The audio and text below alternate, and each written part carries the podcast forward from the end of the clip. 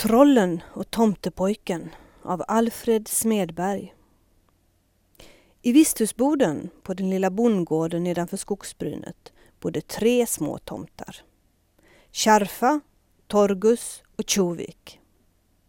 De var knappast mer än kvarter långa och tillhörde en gammal tomtesläkt som bott på gården i över 900 år. Stället hade många gånger bytt ägare. De gamla människorna hade gått bort och nya hade kommit istället. Så hade det gått, släkte efter släkte, århundraden igenom.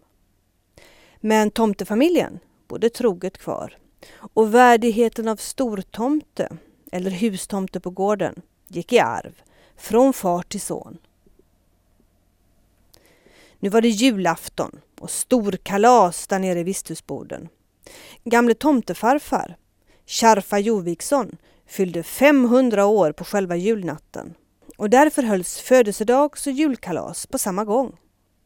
Han var kry och rask, trots sin höga ålder, men hade nyligen lämnat husbondeväldet åt sonen sin, Torgust Kärfastsson, som var en 300-åring i sina bästa krafter. Nu levde den gamle på undantag, mellan ett par mjölkuttingar i ett ena visthushörnet.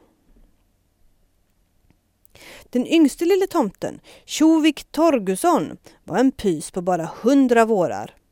Han hade ännu inte fått något tomteskägg och räckte fadern knappt mer än till armhålan. Den lilla gården låg så vackert mellan smala ängsbitar och lövklädda kullar. På ena sidan utbredde sig åkerfälten, men åt andra hållet höjde sig den täta mörka skogen. Ett stycke in i skogen låg det branta skrovliga Rävhalsberget och där bodde trollen Jompa och Skimpa. Jompa var trollkungen i berget och Skimpa var hans gumma. De hade bott där långt innan människorna kom in i landet och var 4000 år gamla. Mellan tomtarna och trollen hade i alla tider rått bitter fiendskap. Trollen var stora, starka, elaka och dumma. Tomtarna var små som dockor, men snälla och mycket förståndiga. Trollen ville bara göra ont mot folket på gården och det kunde tomtarna inte tåla. Därför var det ständigt strider mellan dem. Ibland hade tomtarna överhand, ibland trollen. Annorlunda kunde det inte vara när det kämpades mellan styrkan och förståndet. Men vilka som avgick med segern berodde mest på hurdana människor det var som bodde på gården. Nu var det alltså storkalas i visthusboden. Alla tomtar i trakten var bjudna och det gick glatt och livligt till. Visthuset var rikligen försett med alla slags matvaror. Det fanns äpplen och vörtbröd och skinka och korv på det lilla bordet som utgjordes av en upp och nervänd sockerlåda. Folket på gården visste så väl hur försiktiga tomtarna var med allting och att de aldrig förstörde så mycket som ett mjölkorn i onödan. Nu farfar, nu ska du berätta historier om Skimpa och Jompa, sa Tjovik. Och så kröp han upp i den gamles knä och strök honom över det långa vita skägget. Ja, pysen min, sa gubben glatt. Sitt nu bara stilla så ska du få höra om gamla tider. Alla tomtarna makade sig till rätta på sina platser. Somliga halvlåg på golvet med handen under kinden. Andra satt och dinglade med benen på upp och nervända ansjovisburkar. Jaha, började gamle Charfa. Ni ska se. Hmm. Att för 800 år sedan, när min farfar Tarja Torgusson var i sina bästa år, då var det liv där uppe i Rävhalsberget. Det var på den tiden när kristendomen skulle införas i landet och folk hade börjat bygga en kyrka där borta på slätten. Men se, det ville förstås trollen inte veta av. Och så rev de varje natt ned vad folket byggt upp föregående dag. Men kyrkan blev byggd i alla fall, sa lille Tjovik. Det blev den gossen min och det var Tarja, farfarsgubben som hjälpte folket till rätta. Se, han tog en strut med aska och klättrade upp i ett träd invid berget.